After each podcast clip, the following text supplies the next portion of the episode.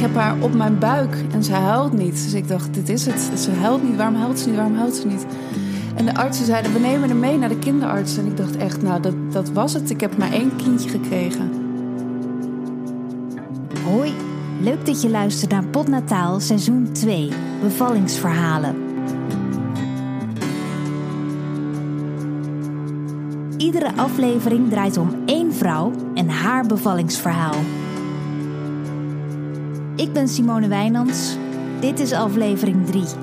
Nicolette. Ik ben Nicolette Kluiver. Ik ben 34 jaar oud. Ik ben trotse moeder van drie kinderen.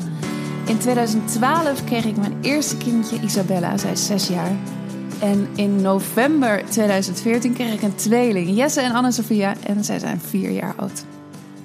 Ik woon in Oude Kerk aan de Amstel. En ik ben presentatrice bij RTL 4. En tegenwoordig ook aan het schrijven, onder andere voor de Wendy. En bezig met een kinderboekje.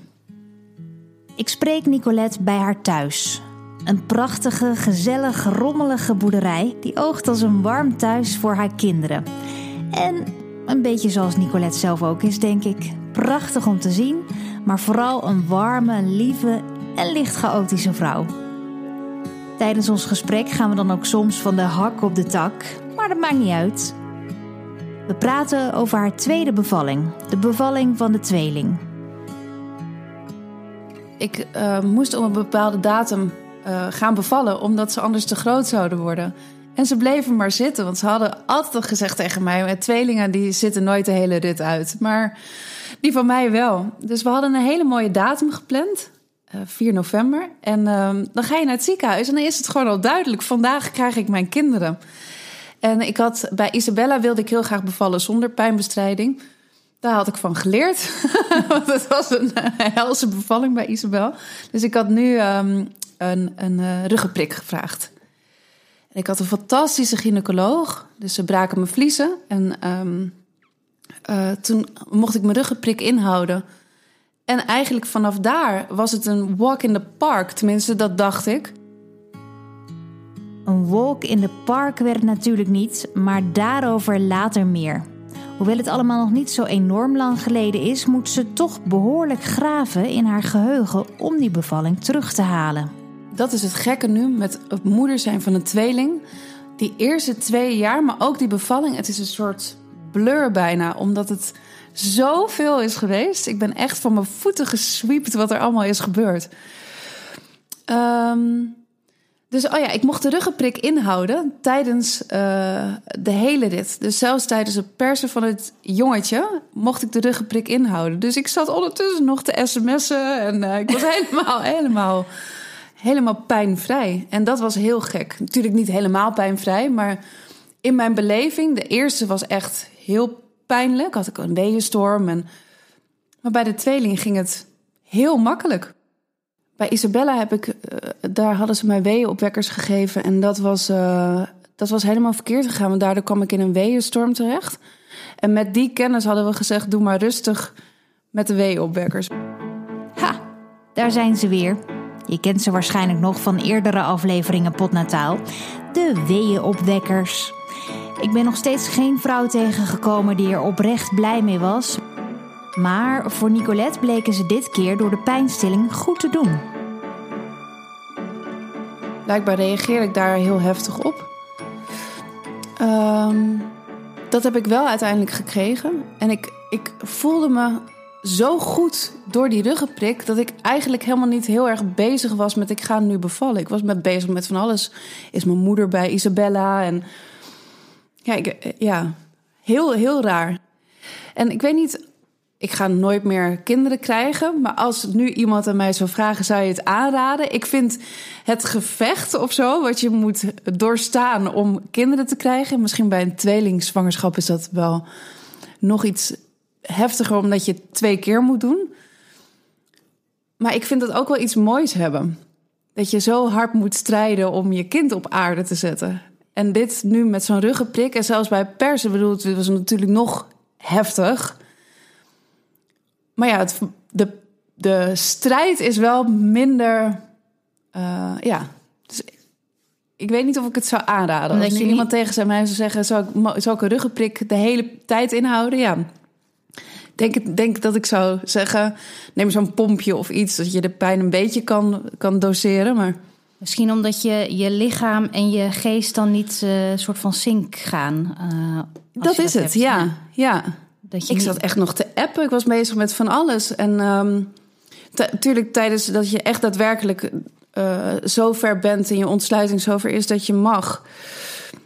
Dat, dat, dat was voor mij wel heftig, denk ik. ja. Maar de, de heftigheid van mijn eerste bevalling, dat heb ik niet zo ervaren bij de tweeling. We gaan terug naar de bevalkamer, waar Nicolette bij wijze van spreken nog ligt te appen terwijl ze van haar zoontje bevalt. En dus kwam Jesse, mijn zoontje, best normaal ter wereld, of eigenlijk heel normaal. Het ging eigenlijk best wel vlot. Met je tweede gaat het ook wat makkelijker, denk ik.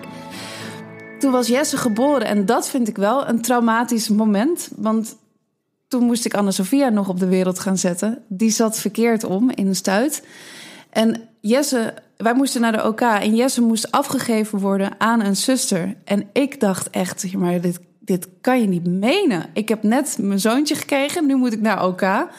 Ik wil geen keizersnede, dat wil ik sowieso niet. Dus ik ga het gewoon proberen om het natuurlijk te doen. Maar ik moet mijn zoon afleveren. Dus ik zei tegen de zuster die Jesse vast had: Jij gaat zitten. Zitten hier. En als ik terugkom, dan zit je nog steeds. Je gaat nergens heen. En ik denk dat zij een, stage, een stage aan het lopen was of iets. Dus zij heeft in paniek die baby vastgehouden. En toen ik terugkwam, zat ze daar nog steeds. Leek het allemaal een walk in the park, zoals Nicolette eerder zei, nu lijkt haar bevalling toch opeens gecompliceerd te worden. Dus ik had net heel hard mijn best gedaan om nummer 1 op de wereld te zetten. Vaginaal, zeg maar. En toen moest ik nog één. En toen zeiden ze, dat wordt een keizersnede. Oh, dat is niet oké. Dat is echt niet oké, want ik heb dit nu gedaan. En anders had ik meteen voor een keizersnede kunnen kiezen. Je gaf wel aan, ik wil geen keizersnee. Nee. Kon je niet, uh, konden ze het niet alsnog even proberen voordat ze met hele toeters en bellen naar de OK? Ja, maar het lukte niet. Want ze, ze, zat, eh, ze lag verkeerd om. Dus ze waren bang. En er mag niet te veel tijd tussen zitten voordat uh, de ander wordt geboren vanwege infecties. En dus ze waren bang als ze niet naar elkaar meteen zouden gaan, dat het dan mis zou lopen. Dus ja, ik vond dat wel heel, heel spannend. Want toch, ja, ze moeten wel uit. Ze proberen het nog een laatste keer. De OK staat vol met mensen klaar om kleine Anna-Sophia via een keizersnede geboren te laten worden. Maar Nicolette laat het er niet bij zitten. Op de OK, iedereen in het blauw, voordat ik onder narcose ging, hebben we gezegd: zullen we het dan nog één keer proberen? Ze gingen haar draaien in mijn buik. Dus dat ze op je buik gaan drukken en proberen de baby te draaien. Nou, dat is vreselijk. En uiteindelijk, ze was een, kleintje, dus Jesse was heel groot en zij was kleiner. Ging zij er makkelijk wel uit, maar verkeerd om. Ik heb zo hard mijn best gedaan dat Anne-Sophia instuit op de OK ook is geboren. Ja. Wauw. Ja. Ja.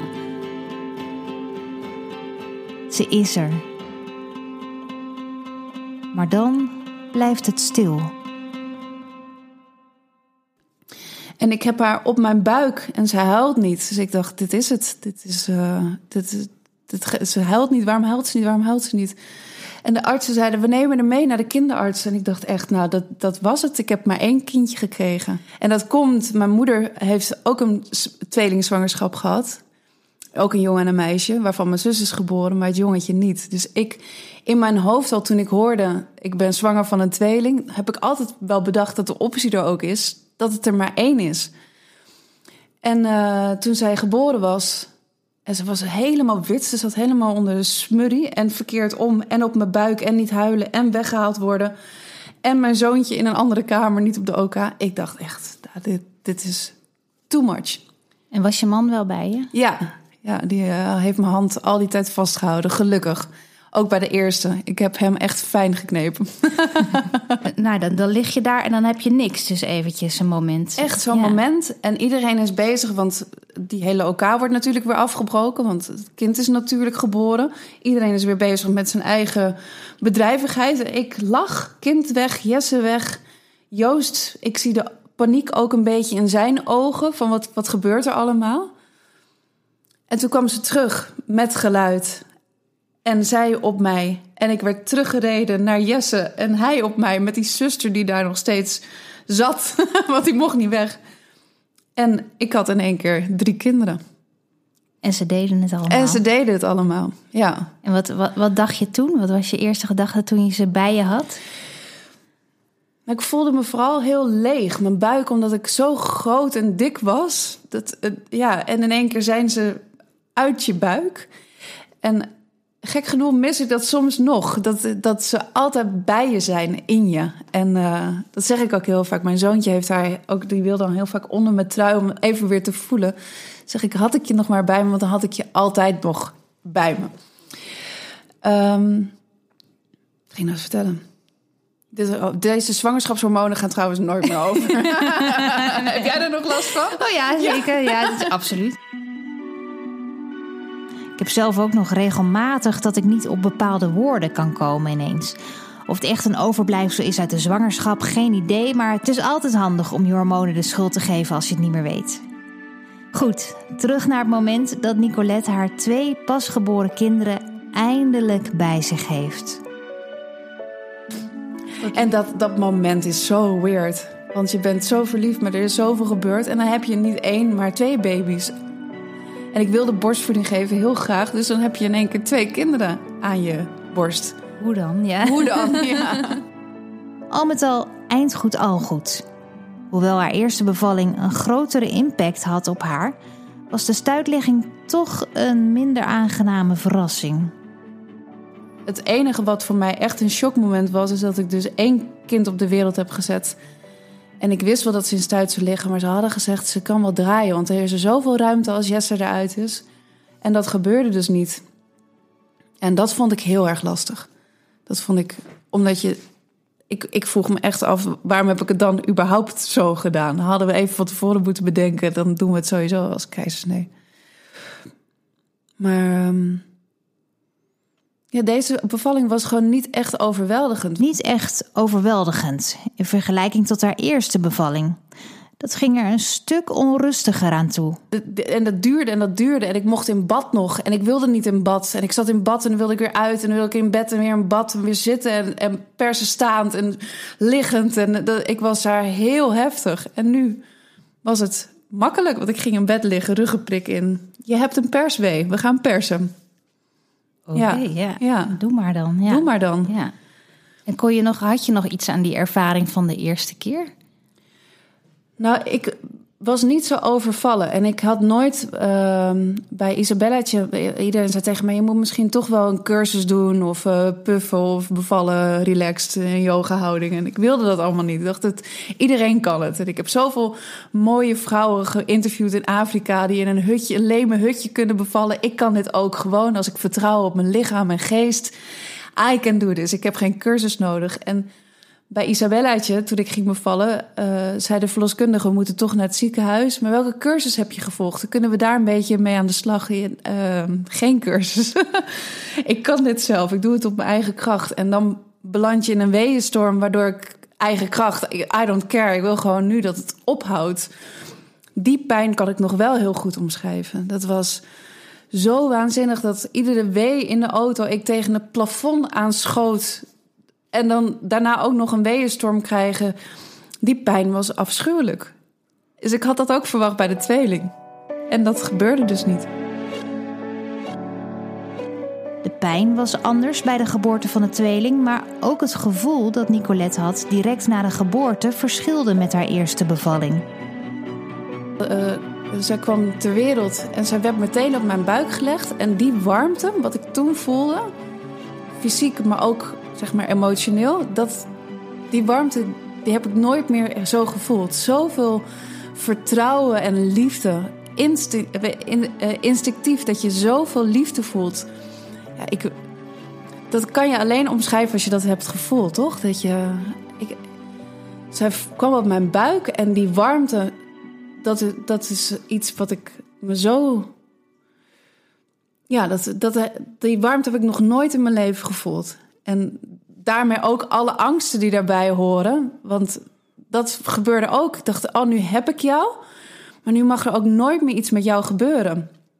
Die liefde die je voelt voor een kind, wat, waar ook zoveel schaduwkant is een verkeerd woord, is een negatief woord. Maar um, het gevoel dat je bent zo kwetsbaar en ik ga, ik ga stuk zonder jou. Dus ik moet jou voor altijd beschermen. Daar kom je nooit meer vanaf. Nee, nee, nee. Oh, dat, snap, ja, dat, vind ik ook, dat vind ik het grootste nadeel inderdaad aan moederschap. Ja. Dat je nooit meer ergens naartoe kan gaan en gewoon ergens kan lopen of zijn.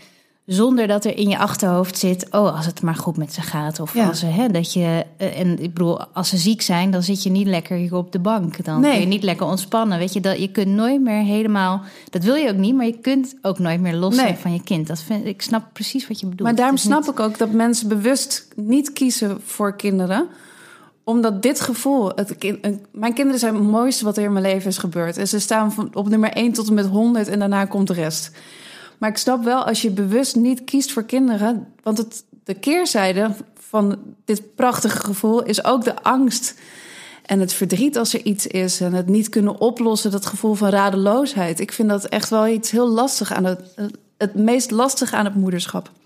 En dat is misschien ook wel eh, dat het verschil met je tweede bevalling. Dat je die gevoelens allemaal al had. Ja, je, kan, je weet al dat, dat dat er is. Want dat heb je al thuis. Dus ja. Ja. Alleen het gevoel van drie kinderen in één keer hebben, dus twee in dezelfde bevalling, een half uur tijdsverschil en dan heb je in één keer twee mensjes op de wereld. Ja, als ik daar, als ik denk aan hoe ik die afgelopen jaren heb gedaan, hoe dan? Ik weet het niet eens meer. En mijn zus die is net ook bevallen van een tweeling, dus die heeft een jongetje, eh, precies hetzelfde verhaal en daarna een, een tweeling gekregen. Ja, wij snappen elkaar. Als we elkaar aankijken, ja, we got this. Maar het is echt de hel soms. Alleen geen tijd meer om elkaar te spreken. Maar nee, nee. nee. Ga er maar aan staan. Twee pasgeboren baby's tegelijk die allebei melk willen drinken, poepluiers produceren en synchroon kunnen huilen. Nee, dat benijd ik niet. We doen weer een timehop. Terug naar het moment dat Nicolette haar kinderen net bij zich heeft in het ziekenhuis. Jesse zag er heel gaaf uit. Anne-Sophia, ik vond haar prachtig, maar ze huilde niet toen ze net uit mij was. En daarna is ze bij de kinderarts geweest die haar ook weer kwam terugbrengen. En zij was echt, als ik nu de foto's zie, echt een klein monstertje. Ze was helemaal scheef, met scheve oren, helemaal wit, dikke ogen. Maar ik vond haar prachtig. Maar ze zeiden tegen mij, dat hoofd dat trekt wel recht hoor. Maar ik dacht echt, waar hebben jullie het over? Ik zie het helemaal niet. Ze is mooi. Als ik nu kijk, is het net een alien. dus uh, Jesse was heel gaaf, maar Anna die was kleiner en uh, scheef. Dus eigenlijk moest ik blijven, maar ik... En dat zou ik anders doen als ik nu nog een keer zou bevallen. Wat niet gaat gebeuren, maar dat zou ik wel anders doen. Ik wilde heel graag dat mijn leven meteen weer hetzelfde zou zijn. Dus ik wilde terug naar Isabella en dan heb ik twee baby's, maar we gaan gewoon verder. Dus toen ik was bevallen net uh, en in het ziekenhuis zei ik ja, maar ik wil naar huis. Ik wil, dus ik heb helemaal geen tijd genomen om daar tot rust te komen, om daar te gaan genieten van die baby's. Ik wilde meteen naar huis en zorgen dat alles hetzelfde was. En dat zou ik nu wel anders doen, omdat daardoor heb ik nooit kunnen aarden. Ik ben moeder geworden van een tweeling. Ik wilde gewoon, we gaan nu door. We gaan het thuis weer oppakken zoals het was. En dat zou ik anders doen als ik nu nog een keer moeder zou worden. Wat nooit gaat gebeuren. Dit is genoeg. Maar je, dus je, je bent gewoon uh, tegen het advies in met uh, twee maxicosies onder je arm uh, het ziekenhuis uit. Ja, ze werden gewogen en gemeten. En ik, ik vond het wel goed. De borstvoeding kwam op gang. Ze waren gezond. Ik dacht de groeten, ik ga. En uh, als ik nu andere moeders zou adviseren, zou ik echt zeggen: blijf even. Ontspan daar even. Je wordt geholpen door zusters. En ik, ik zou echt dat, dat aanraden. Geniet daar even van. Geniet daar even van, ja. Je hoeft niet meteen weer daar te staan voor iedereen. Sta maar even voor jezelf en voor de, je kind of je kinderen. Nicolette stapte in een rollercoaster, maar vergat om eerst eventjes op adem te komen. Inmiddels zijn de kinderen een stuk groter en het gaat goed met ze. Anna-Sophia is echt een typisch geval van lelijk in de luier. Denk ik later heel mooi in de sluier. Want ze is echt een plaatje. Dat hele scheve hoofd wat ze had toen ze net eh, uit me kwam is weg. Dus de artsen hadden gelijk. En Jesse, dat is één gezicht met mij. In mijn buik uh, hadden we op de echo gezien... oh, hij heeft ook zo'n grote mond. Waarop Joost zei met allemaal hormonen. Hij lijkt een beetje op... Ik dacht, je gaat het niet zeggen. Oh, heet die zanger nou ook weer? Je gaat het niet zeggen. Mick Jagger. Niet oké. Okay. nou, als hij ook zo goed kan zingen. Ja, precies. Ja. ja. ja. dus uh, Jesse is een kopie van mij. En die meiden Anne-Sophia en Isabella lijken heel erg op elkaar. Ze hebben zelfs hetzelfde stemmetje. Nu ze inmiddels allebei even goed kunnen praten. Als ik ze aan de telefoon heb, hoor ik niet eens wie ik aan de telefoon heb. Dus die meiden lijken heel erg op elkaar. Die lijken meer op hun vader. En dat toen ik dus was bevallen en uit het ziekenhuis thuis kwam, dat vind ik wel echt een moment. Mijn moeder was hier, want Isabella en ik, ik uh, kwam in de loop van de avond thuis. Dus Isabella lag al bijna te slapen. En ik had de baby's mee naar boven genomen. En Isabella die kwam dus tippeltap, tippeltap via de gang voor het eerst haar broertje en zusje ontmoeten. En ik had twee cadeautjes gekocht. En ik deed net alsof Anna, Sofia en Jesse een cadeautje hadden meegenomen voor Isabella, hun nieuwe zus. Maar de teleurstelling bij haar was best wel groot. Want daar zitten twee baby's en ik heb alleen maar huilkinderen. Vanaf 0 tot 2 jaar hebben ze gehuild, geloof ik. En dat kopie van haar, die, die had gedacht: ik krijg een broer en een zus en dat is leuk. En daar zitten twee, waarvan één hele scheve baby in een maxi-cozy. Ja, ik vond dat wel. Zij heeft het ook wel te verduren gehad met een tweeling. Je hoorde het verhaal van Nicolette. Voor meer informatie over deze podcast check je de site van Dag en Nacht Media. Mijn naam is Simone Wijnands. Wil je meer weten over mij of heb je een vraag? Volg me dan vooral op Instagram Simone Wijnands. En heb je met plezier geluisterd naar Potnataal? Laat dan een recensie achter in iTunes, zodat nog meer mensen deze podcast weten te vinden. Dank en tot de volgende. De tip van de eeuw. Na de bevalling heb ik van die hele strakke HEMA corrigerende ondergoed. Heel sexy. Ken je die? In huidskleur. ja, ja, ik ken ze wel. Ja. Corrigerende ondergoed. En daarmee die hele buik en baarmoeder en alles druk je dan samen. Dus dat moet je echt twee maanden te klein kopen. Maar daardoor ging het wel sneller weer bij elkaar. Dus dat hele gevoel van leegte. Dus dat je echt daadwerkelijk een lege buik hebt. Dat kon ik zo wel weer vasthouden of zo. Oh, ja. Goeie tip. Ja, hè? Nemen we mee, ja.